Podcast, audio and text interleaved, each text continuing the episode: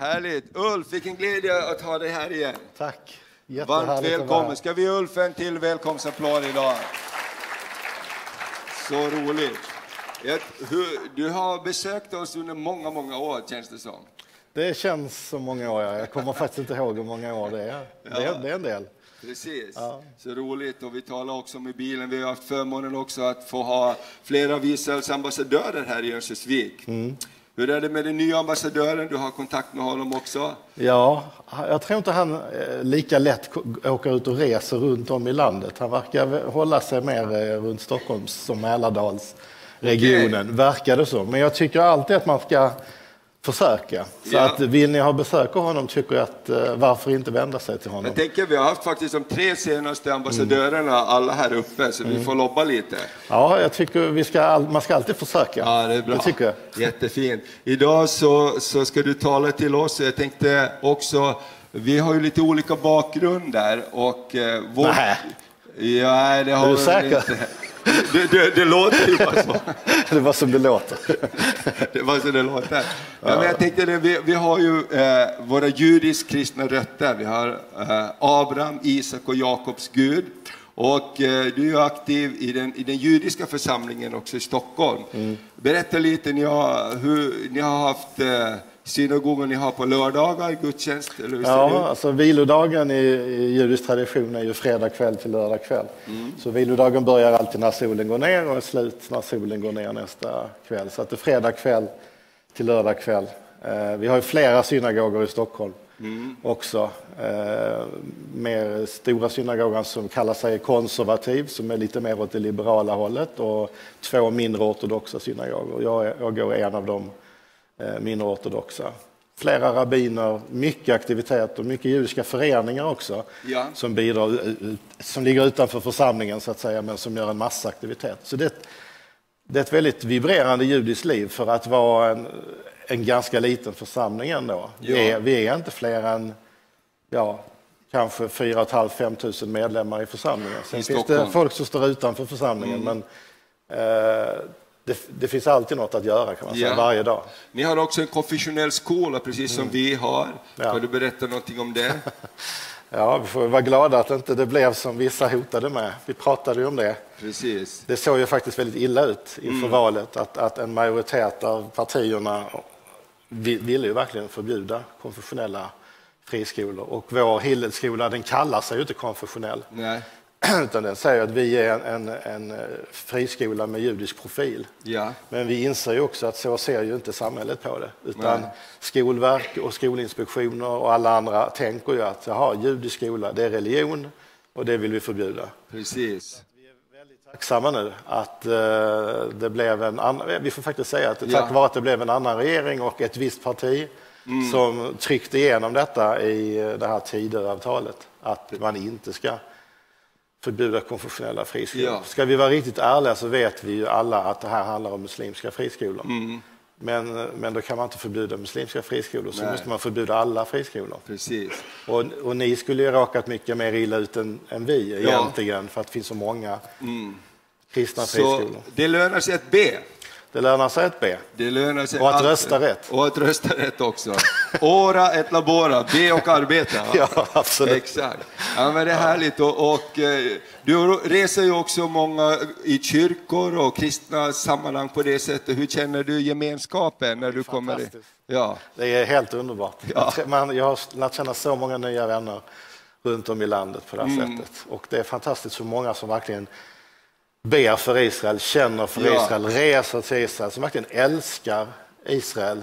ja. Eh, ja, man blir, jag blir rörd och jag blir glad och Mm. tacksam. Och, eh, det är också så det står i Bibeln att andra folk ska föra vårt folk tillbaka till Israel, bygga Precis. Jerusalems murar som det står i Jesaja.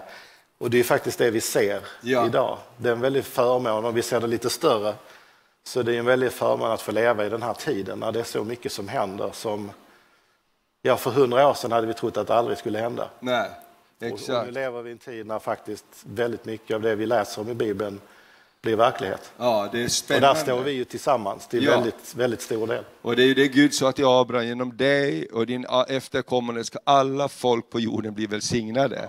Och det får vi aldrig glömma bort också, den, den, den eh, som dog på korset för oss, Jesus Kristus, han var en judisk man som dog i Jerusalem och han dog för våra synders skull och uppstod och han kommer att komma tillbaks till Jerusalem. Så vi har så många eh, punkter där vi får stå tillsammans. Så vi vill bara hälsa dig välkommen Ulf idag och eh, se fram emot att få lyssna till, till det du har på ditt hjärta. Tack. Sen ska vi få göra en insamling också efteråt. Så han gör i ordning sina tekniska prylar här. Jätteroligt att du är här, du ska känna dig varmt välkommen. Ska vi ge Ulf en till applåd? Härligt!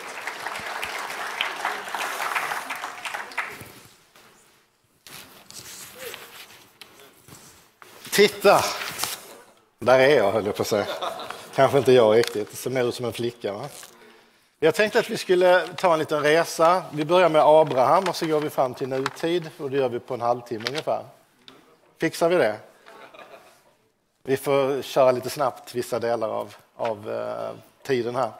Men jag tänkte ändå börja med att säga, eh, vem, vem är Gud? Apropå det du sa, vem är Gud? Du sa Abrahams, Isaks och Jakobs Gud. Och någon sa till mig, jag har inte kontrollräknat, men någon sa till mig att ska vi veta vem Gud är så kanske vi ska låta Gud berätta för, för oss, vem är jag? Och hur presenterar Gud sig själv? Som Abrahams, Isaks och Jakobs Gud, som Israels Gud. Och någon sa till mig att det gör han 140 gånger i det vi kallar gamla eller det ni kallar gamla testamentet, som vi kallar Bibeln helt enkelt. Eh, det gemensamma testamentet föredrar jag att kalla det, för jag tycker det symboliserar något mer positivt. Eh, så, så Gud är Abrahams, Isaks och Jakobs Gud. Om vi tar nästa bild. Eh, jag ska försöka ge lite instruktioner ibland så här så att det klickas fram.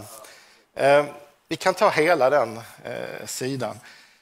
För att förstå vem Abraham är.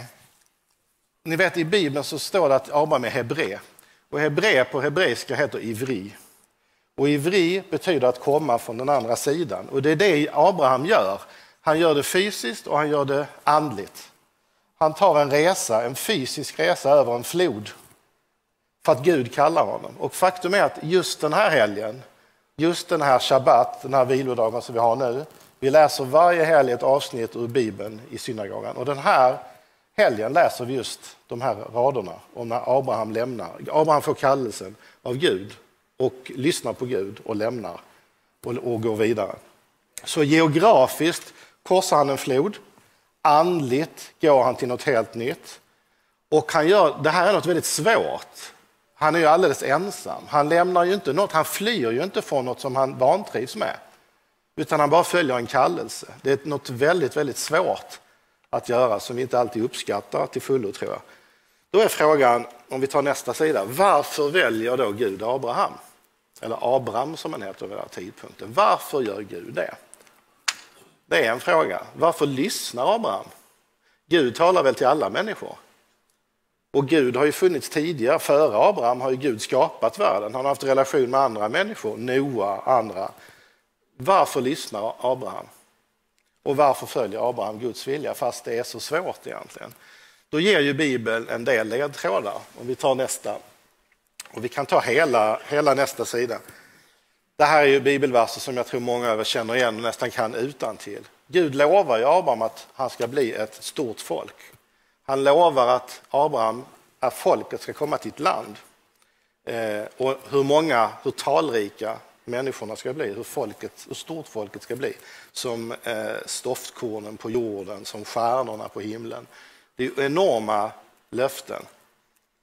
Om vi tar nästa sida, eh, nästa bild. Vad säger då Abraham? Det står helt enkelt att Abraham trodde på Gud. Det är det det står. Abraham trodde på Gud. Och Gud räknade honom till rättfärdighet. Och rättfärdighet det är ett väldigt starkt begrepp i judisk tradition. Chesed, rättfärdighet. Eh, det är det finaste en människa kan vara, rättfärdig. Eh, och då blir Abraham, som Thomas nämnde innan, Abraham. Am på hebreiska betyder folk. Så han blir, Abraham blir Abraham för att han ska bli en far till många folk. Och ni ser, jag ska göra dig övermåttan fruktsam och folk och kungar ska utgå från det. Kan vi ta nästa sida, så kan vi ta hela den sidan också. Då är frågan, hur välsignas då Abraham? Fick han verkligen all välsignelse då? Ja, till att börja med är det så att om man säger till en person och hans fru som inte har några barn att ni ska bli ett folk då, och den personen säger ja, då inser också den personen att det kommer inte ske imorgon precis.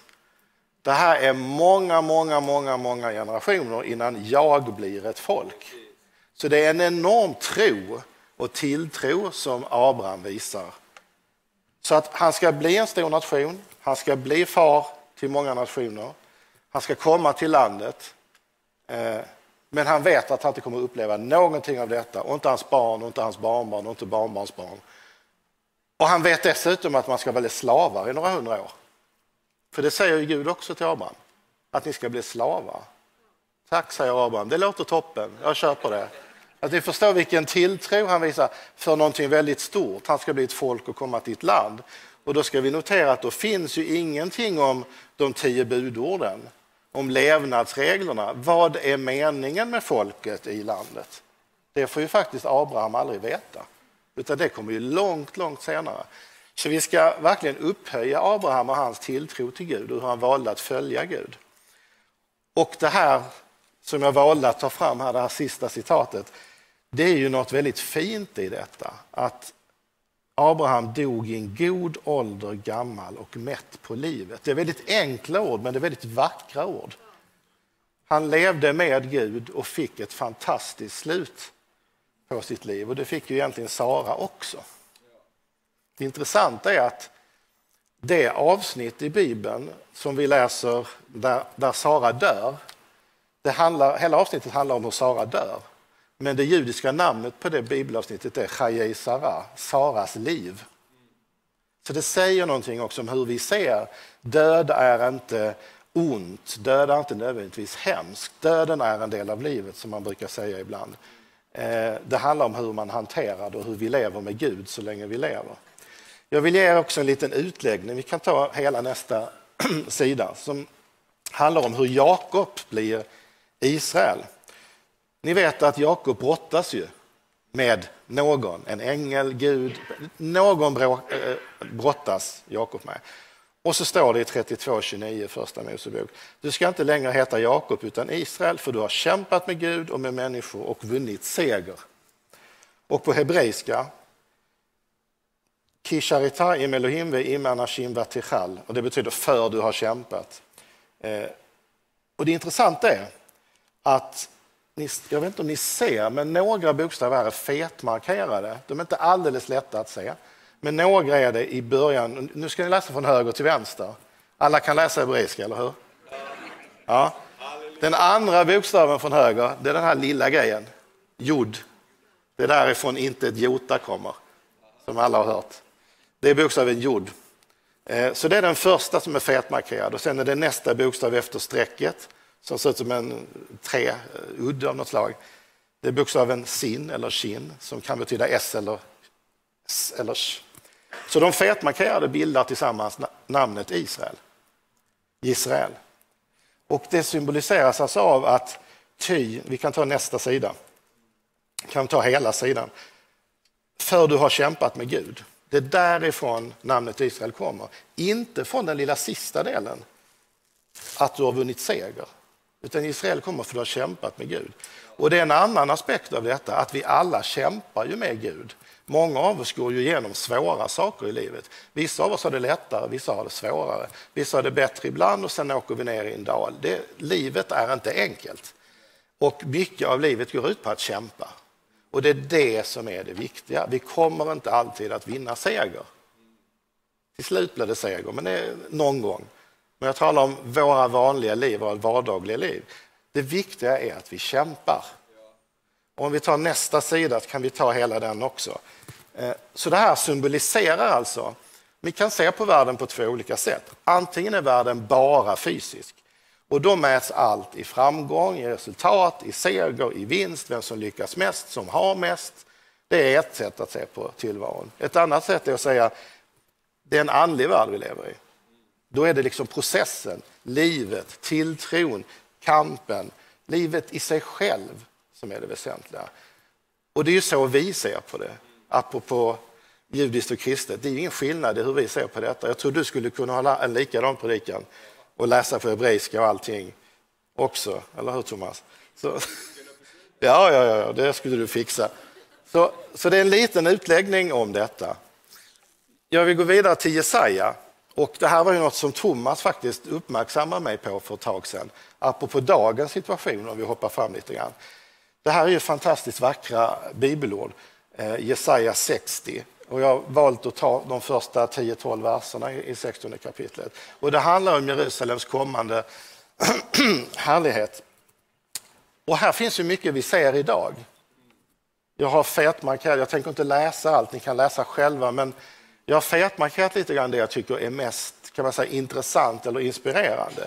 För visst lever vi idag i en tid där det är mycket så att töcken omger folken och töcken vet vi alla vad det betyder. Alltså det finns en det finns problem, det finns besvikelse, det finns misstro, det är en massa negativa saker. Och det händer naturligtvis en massa hemska saker i, vår omvärld. Inte bara kriget som, som Putin har startat, utan mycket annat är illa i våra liv idag.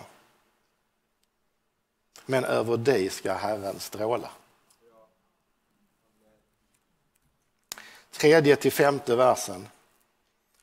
Det är också det vi ser idag. Det finns massor med bibelcitat som visar hur Gud visar omsorg om det judiska folket och säger att ja, ni kommer att lida, ni kommer att splittras, ni kommer att vara slavar, men ni kommer att komma hem till ert land. Sen kommer ni att förskingras igen, för ni kommer inte att följa det jag vill av er. Trots att vi har ett förbund som vi är överens om kommer ni inte att följa det. Det vet Gud. Och ändå slutar han förbund med det här märkliga folket som vi är. Fast han vet att vi kommer inte att klara det riktigt. Men kanske är det också mänskligt. Vi klarar inte alltid det vi förutsätter oss. Vi sluter avtal med, med människor, med företag, med, vi har en massa tankar om vad vi vill göra med och för andra människor och vi lyckas inte alltid. Och det viktiga är att vi inser att nej, jag lyckades inte. Men jag skärper till mig och försöker igen och gör det bättre. Det är kanske meningen med alltihop. Så vad vi ser är att dina söner kommer från fjärran, dina döttrar bär man i famnen. Vad är det vi ser idag? Vi ser fler judar som kommer till Israel från hela världen än vi har sett på 30 år. Alla känner vi till kriget i Ukraina. Mängder av judar kommer från Ukraina till Israel. Men intressant nog, dubbelt så många ryska judar kommer till Israel. Det är ingen som vet. Men så är det. Och varför? Därför att nu är ju judarna i Ryssland livrädda för att den här muren kommer tillbaka igen. Så som Putin styr. Och Putin är ju också en person som nu hotar att stänga ner vårt arbete i Ryssland. Det vill säga vårt arbete att ta ut judar från Ryssland. Det vill han nu förbjuda. Så vi ska upp i domstol i Moskva den 18 december. Det får ni gärna be för. Eh, för att utverka att vi ska få fortsätta vårt arbete. Han hittar ju på då att vi bryter mot rysk lag i vårt arbete, vilket vi naturligtvis inte gör. Vi bryter aldrig mot några lagar i de länder vi verkar. Och det är tillåtet att verka för att judar ska lämna Ryssland och det är tillåtet att, lämna, att hjälpa judar att lämna Ryssland. Sen vill ju inte han att, ska, att judar ska lämna Ryssland. Han vill inte att någon ska lämna Ryssland. Eh, och sen kommer vi till slutet här. Havets skatter kommer i din ägo. Vilka skatter är det?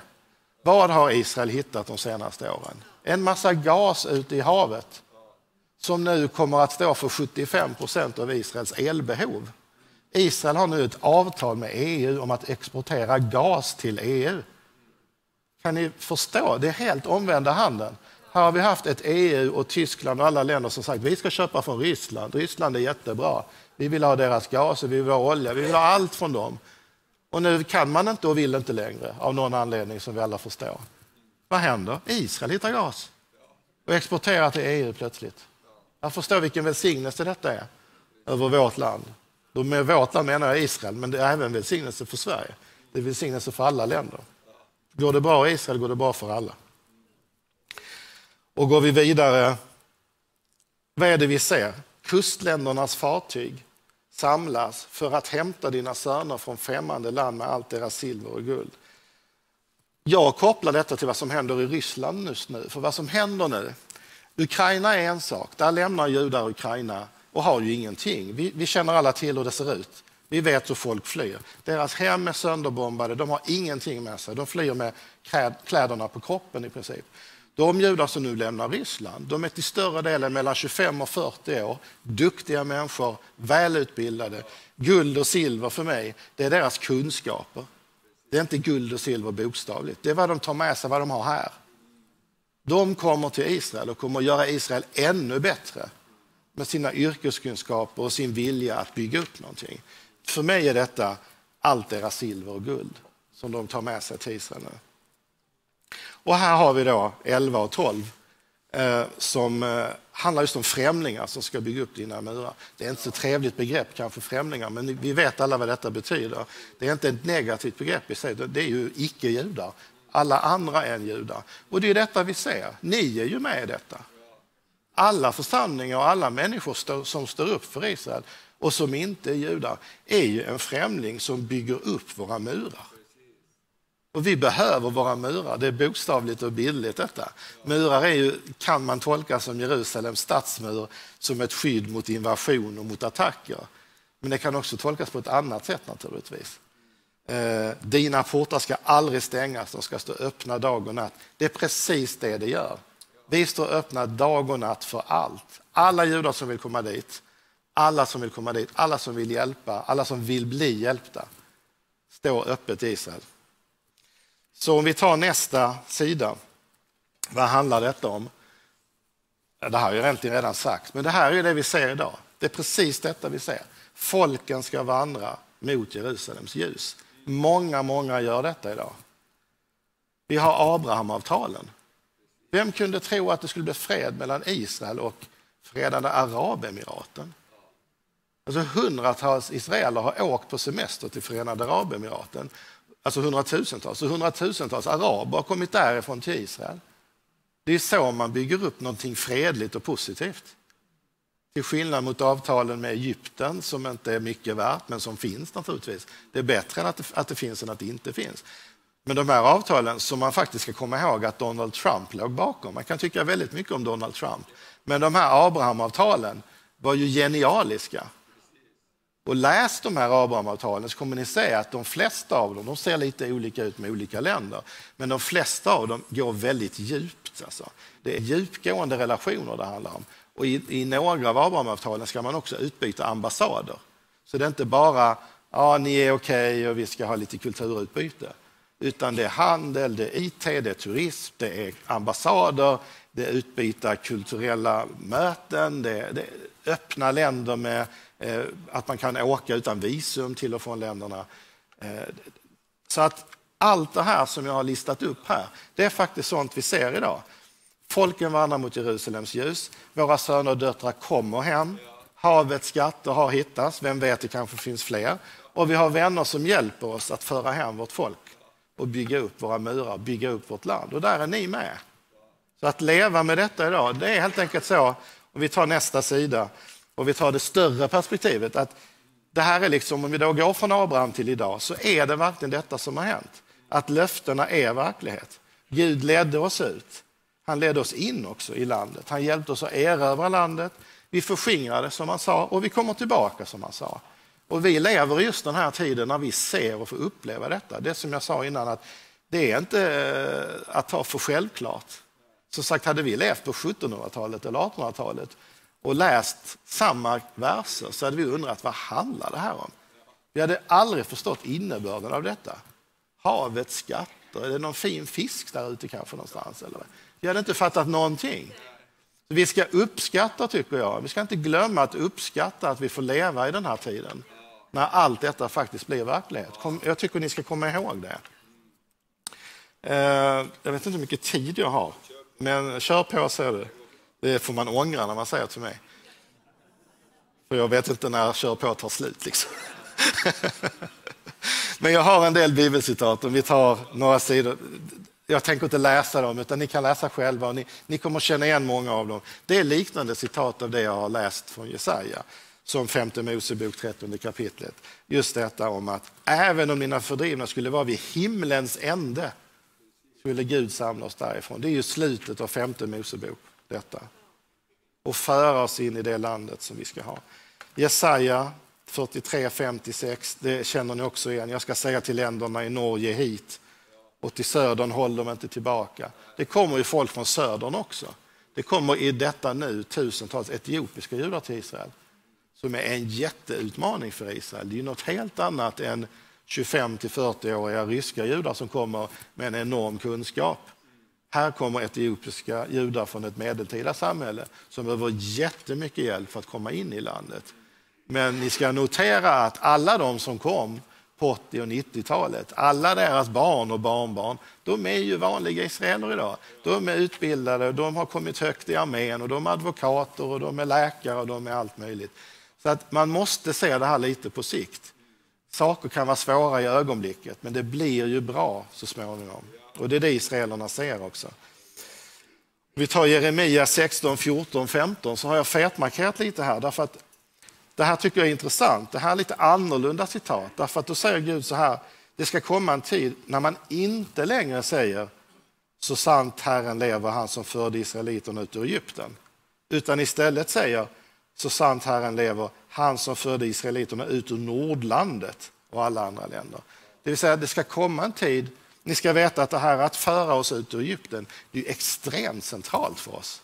Det, det, blir inte mer centralt, därför att det är ju i slaveriet vi blir ett folk. Där blir vi ett folk, vi ropar till Gud, Gud hör oss, han minns löftena, han hjälper oss ut därifrån och så kommer vi till Israel. Det är klart att det är otroligt centralt för oss. Och vår årliga påskmåltid, när vi ju minns uttåget ur Egypten, är ju bland de finaste och viktigaste helgerna vi har. Och så står det här att en dag ska vi inte längre säga detta, utan vi ska säga så sant Herren lever, han som förde oss ut ur Nordlandet och alla andra länder. Det är ju nu. Det är nu, gott folk. Kom ihåg det här. Var glada att ni lever nu. Är ni det? Jag är lite tveksam tycker jag. Ja. ja. Äh, vi kan hoppa över Vi kan hoppa till Sakarja 8. Ehm, som också tycker jag det är en annorlunda bild också, därför att det är en mer målande bild av människor på gatan. Åter ska gamla män och kvinnor sitta på torgen i Jerusalem, alla med käpp i handen. Så gamla är de. Stadens gator och torg ska fyllas med lekande barn. Ja, ni som har varit i Jerusalem, ni vet ju hur det ser det ut. Där sitter de gamla och där sitter och där leker barnen. Det är precis så det ser ut. Ja, det är, det är fantastiskt. Och sen kommer då, vi tar nästa bild, sen kommer då det här tillfället när Ben Gurion kan utropa vår stat. Och det är ju ett historiskt tillfälle naturligtvis som är, inte går att göra stort nog. Eh, jag läser just nu en bok om Golda Meir som är jätteintressant där man ser samspelet mellan David Ben Gurion. Det, alltså han är, det ska vi ta en annan gång. Tala om Ben Gurion, det är otroligt spännande. Han kallas ju den gamle. Eh, alla följde David Ben Gurion. Golda Meir säger att vi hade jättelånga regeringssammanträden, vi pratade i timtal och sen gjorde vi som vi visste från början, för det var det David ville och det var det som visade sig vara rätt efter ett antal timmars samtal. Så alla hade stor respekt för David Ben Gurion och även för henne, men, men han var ändå den, den store. Ingen hade kunnat göra detta utom han, känns det som. Så vi kan ta nästa sida då och se, ehm, om vi tar de senaste decennierna, vad vi har sett. Nu fyller Israel 75 år nästa år. Eh, aktningsvärd ålder för en vanlig människa, inte väldigt aktningsvärd för en stat. Därför att de flesta stater är mycket, mycket, mycket äldre, väldigt gamla till och med. 75 år är en ung nation, ska vi fortfarande komma ihåg. Det finns många utmaningar i Israel. Men man kan inte ta ifrån oss, det judiska folket och Israel, att vi har klarat av enorma utmaningar. Alltså att överleva det första självständighetskriget. Och där var Golda Meir instrumentell. Hon var jätteviktig för hon lyckades ju samla in pengar.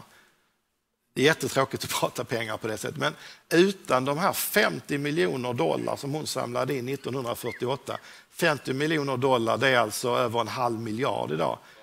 Vad var det för 75 år sedan? Det är en ofantlig summa.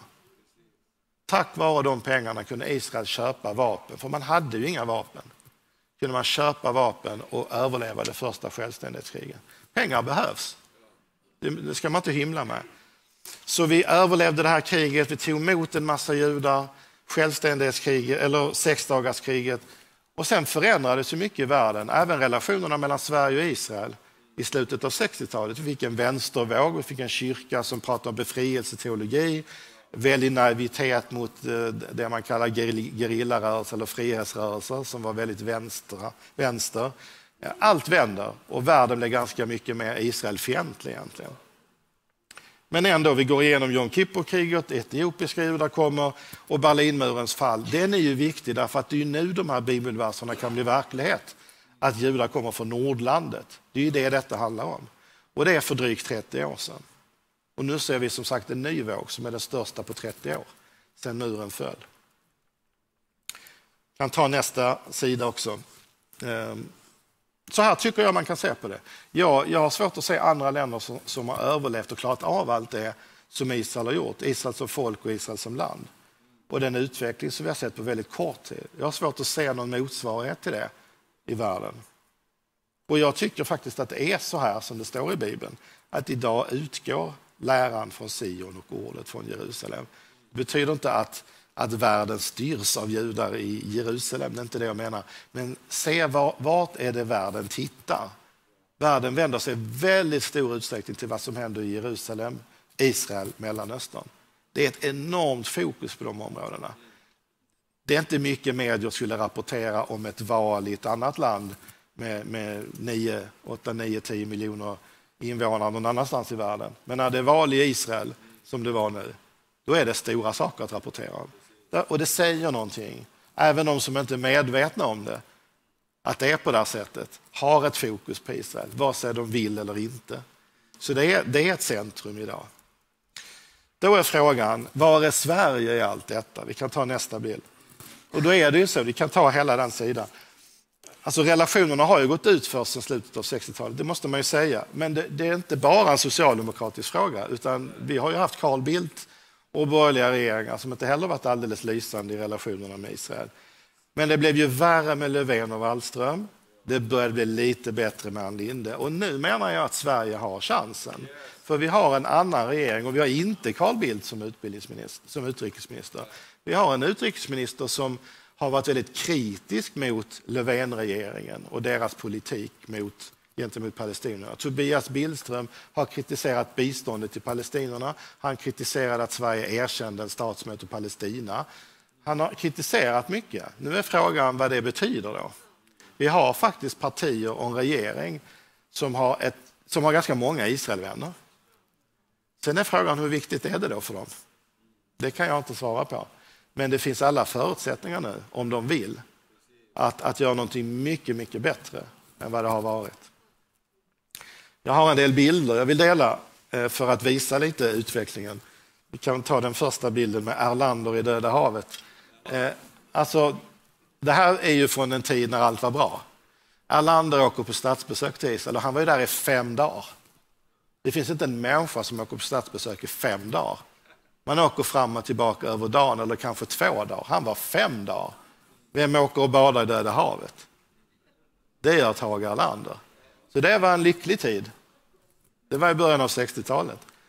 Sen som kontrast kan vi ta nästa bild. Eh, och det är ju raka motsatsen. Det här är i slutet av 80-talet. De gick ju hand i hand ibland, på allvar. Sten Andersson och, och, och Yasser Arafat och kindpussades och var jättekompisar. Eh, så att det är otroligt. Det är samma parti. Och det går 25 år och så har allt vänts upp och ner. Nästa bild kan vi ta. Ja, då har det ju vänt igen. Där står Göran Persson. Eh, och det är inte så långt efter Sten Andersson. Det är kanske fem, tio år senare. Och det är inte vem som helst han står med. Ariel Sharon, som många skulle säga jättehöger och jättehemsk och allt sånt där. Som man säger om Netanyahu, ni vet. Som man inte kan vara med eller prata med, sån här hemsk människa. Han ser ganska glad ut, Göran Persson. Och när han reste till Israel på första, första gången han reste dit på statsbesök så sa ju han att det här är väldigt stort för mig. Jag vet inte om han sa det om något annat land han åkte till. Så det är inte alltid politiker och partier det handlar om, utan individer. Vissa har en viss känsla, andra har rakt motsatt. Eh, och sen har vi ju då, tyvärr ska jag väl ändå visa detta, Eh, med, med Margot Wallström som talar på palestinska myndighetens ambassad, för de har ju gubevars en ambassad i Stockholm. Ja, vi kommer att fortsätta slåss med er och för er. Vi kan ta nästa bild också. Naturligtvis fick hon en hedersmedalj. Den har ju för övrigt Peter Hultqvist fått också. Det är inte många som känner till, men han är en stor Palestinavän. Det brukar folk bli förvånade över. Många, många har ju stor respekt för Peter Hultqvist, även i andra politiska läger.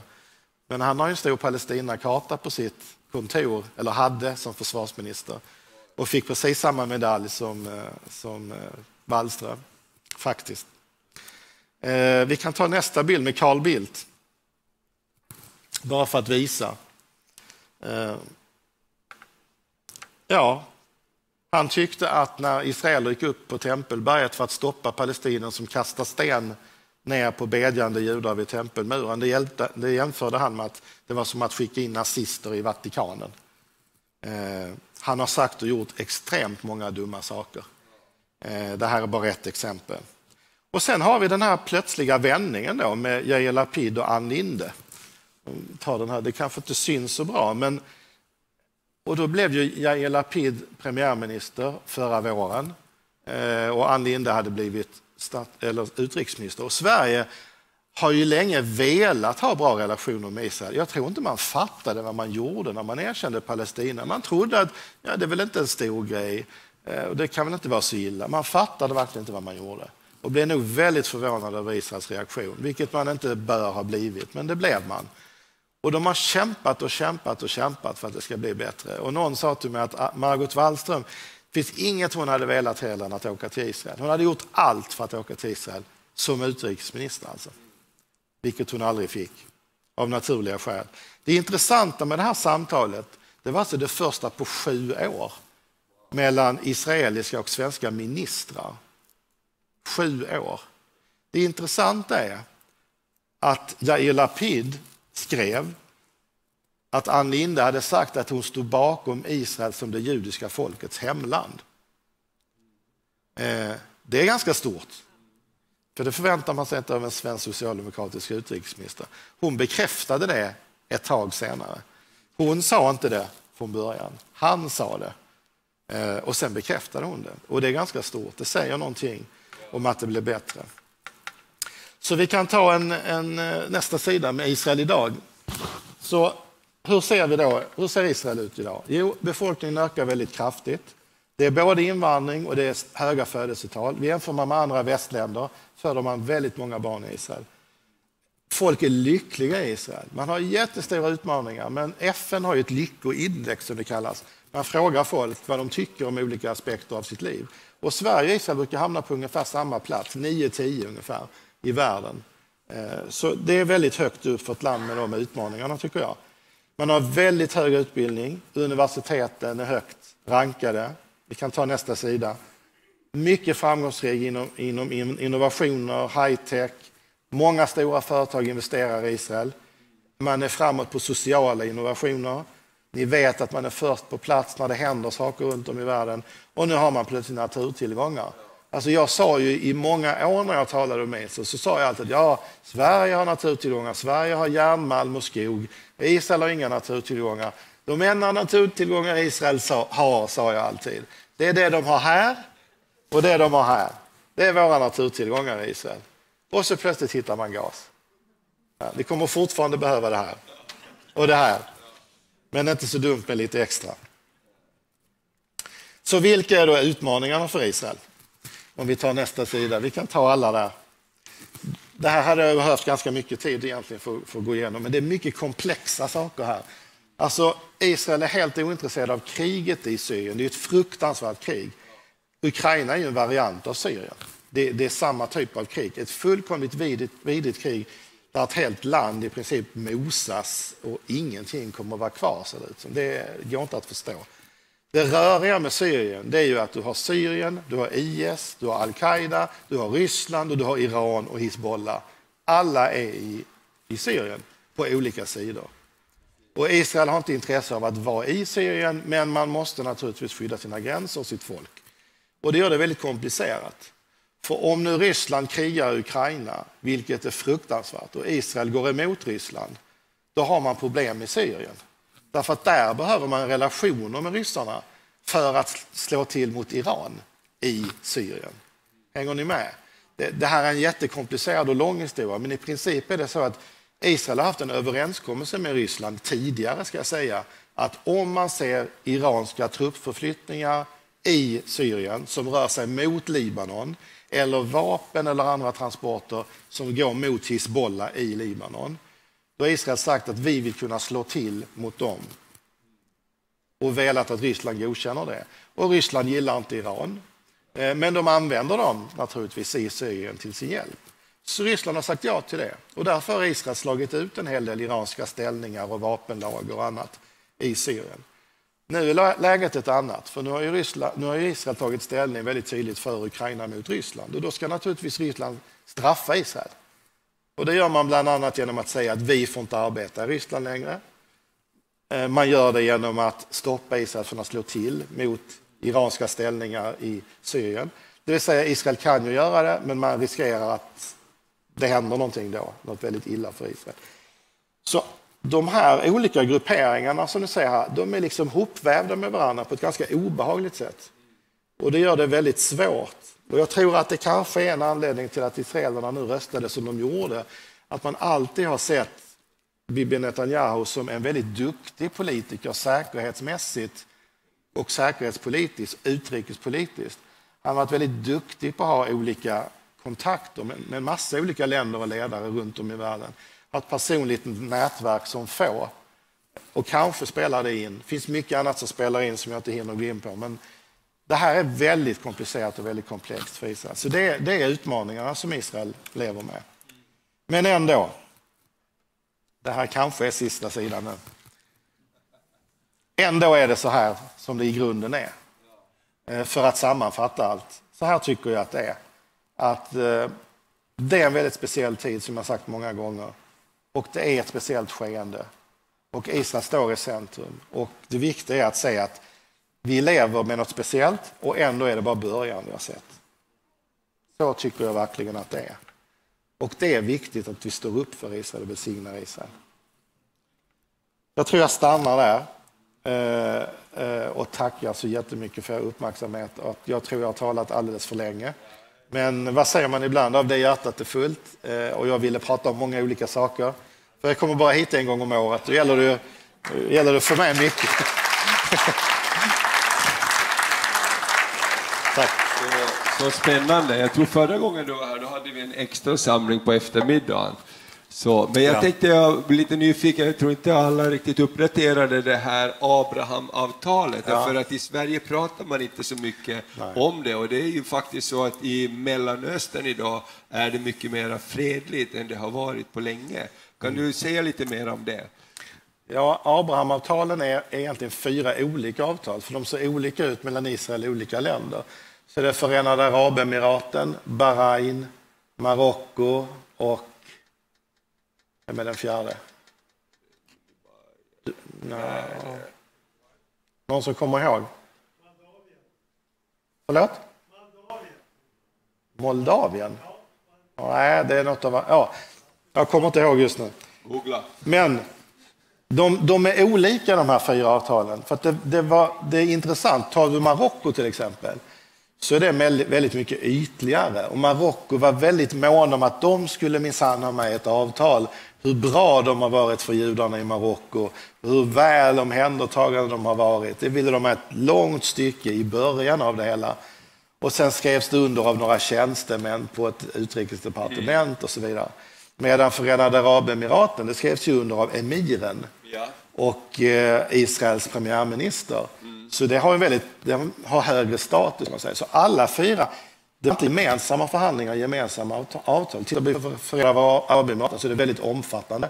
Det kan man hitta om man googlar det. Om man googlar Abraham Accords på engelska ja. så kan man komma till eh, utrikesdepartementet i USA. Där finns avtalen i sin helhet faktiskt. Och du ser hur detaljerat det är, medan Marocko är mycket ytligare avtal. Men jag tycker inte det spelar någon roll, därför att det viktiga är att det finns en process som går åt rätt håll. Och, och att det inte uppmärksammas här, det är ju för att det var Trump naturligtvis. Precis. För då, då, är det ju inte värt någonting. Det är, ju, det är ju väldigt viktigt vem som gör någonting. Exakt. Inte kanske vad som görs. Utan... Eh, rätt i praktiken, för jag har förstått att nu plötsligt så är det många från de här länderna uh, som kommer till Israel och besöker, det är en ny liksom, våg av ja. Uh, utbyte. Ja. Hur mycket folk uh, liksom från... Framförallt Förenade Arabemiraten. Ja. Det sägs ju att det är en halv miljon som har kommit wow. från Förenade Jag vet inte om det Nej. stämmer, men det är det som sägs. Eh, och det är också många israeler till exempel som vill åka till Marocko, för många har ju sitt ursprung i Nordafrika. Precis. Många flydde ju därifrån eller blev utkastade mm. 1948 eller däromkring. Så många vill åka tillbaka och se eh, sina judiska rötter ja. och, och, begravningsplatser och gamla synagogor och sånt där. Så det finns flöden åt båda håll. Det där är väldigt intressant. Jag har läst nu eh, första Moseboken och de här berättelserna eh, och just Ismael också hur Gud säger att också Ismael ska välsigna och bli ett folk och det står på olika platser också välsignelsen av, av, även om det har varit mycket stridigheter och så, så finns det också Herren vill föra samman på något sätt Abrahams barn. Så jag tycker det är väldigt spännande. Jag tycker också, det kanske inte behöver sägas här, men kanske ändå är det viktigt att säga att det är ju inga israeler, eller extremt få israeler, som tycker illa om eller hatar araber eller Nej. palestinier. Det, egentligen är det helt enkelt så att man ser att de ofta har ledare som är ganska hopplösa. Som det, det går liksom inte att samarbeta, det går inte att komma överens för att de inte vill erkänna Israel. Libanon är ju ett jättebra exempel, mm. därför att det är ju, i praktiken är ett krigstillstånd mellan Israel och Libanon, därför att Libanon erkänner inte Israels rätt att existera. Nej. Jaha, vad ska man göra då? Det betyder inte att israeler har något emot libaneser och kanske många libaneser inte har något emot Israel heller. Men nu har man de ledare man har och eh, de kan ju inte Israel tillsätta eller avsätta. Nej. Det är samma med Hamas och det är samma med Abbas då, eh, på palestinska sidan. Att, vad ska man göra när man har mm. sådana motparter? Det är inte så mycket man kan göra. Så därför är ju den här frågan väldigt, eh, den är inte så levande i Israel. Det, det är ju aldrig en fråga i israeliska val hur ska vi göra med fredsförhandlingar med palestinierna? Nej. Därför att så länge de har det ledarskap de har är det inte så mycket mening. Precis. Hur är det i Israel idag då? Hur ser det ut med turismen och, och eh, hur ser det ut idag? Jättebra, alltså det ökar. Det var ju mycket, mycket svårt under pandemin. Israel mm. Körde en ganska tuff politik där med nedstängningar i flera olika omgångar. Så att många hade det väldigt mm. svårt och naturligtvis turistindustrin var ju stendöd. Ehm, så ja, många gick i konkurs, många blev arbetslösa och egentligen ser man väl samma saker som vi ser i Sverige. Vad såg vi här? Många fick problem, personal försvann, det öppnar upp, personalen är borta. Mm. De har skaffat andra jobb eller gör andra saker eller har flyttat. Och så har restauranger och hotell svårt att hitta personal. Det är egentligen ganska likt mm. Israel, att när man väl kommer tillbaka ska börja... Men det är mycket turism igen ja. alltså? Ja, ja fantastiskt. Ja, det... ja, men vad kul, det är så bra. Blir du sugen på att åka till Israel? Ja, kanske dags igen. Vi ska göra en församlingsresa. Ja, ja, vi har gjort det förut jag hjälper er. Jag hjälper er. Du kommer med? Ja, jag, jag följer jättegärna med. Okej. Okay. Det här, det här var sänds på tv nu. Jag, Absolut. Jag kommer visa det här för dig. Exakt, vi jobbar för det. Nu ska vi få göra en insamling. Det är sånt här som kallas för en kupp. Ja, exakt, exakt. Det är det ni är bra på. Uh, Ulf säger, gå inte ner nu för vi ska ju göra en insamling också. In, ja. Inte för resan då, men kanske också kanske det också behövs. Men vi vill ju vara med och välsigna Israel och det arbete ni står i. Jag tänker den, det, det sammanhang du företräder, Förenade Israel-insamlingen, det är ju en väldigt gammal organisation som har 400 år. Det betyder att den fanns där innan staten Israel var åter Eh, uppstånden kan man säga. Ni, ni, ni, har jobbat länge, hur ser det ut idag? Vad vill du att vi ska vara med och ge in i idag? Ja, jag vet att ni känner väl till hur situationen i Ukraina är och ni har vänförsamlingar i Ukraina. Och det, ja, det, det, det är ett hårt arbete att hjälpa judar från Ukraina till Israel fortfarande. Men är faktiskt ännu mer de här ryska judarna. Alla är ju inte 25-40-åriga duktiga människor. Det kommer ju barn och det kommer gamla. Och de kommer behöva mycket hjälp i Israel. Och det är idag mer komplicerat än det har varit att konkret ta judar till Israel.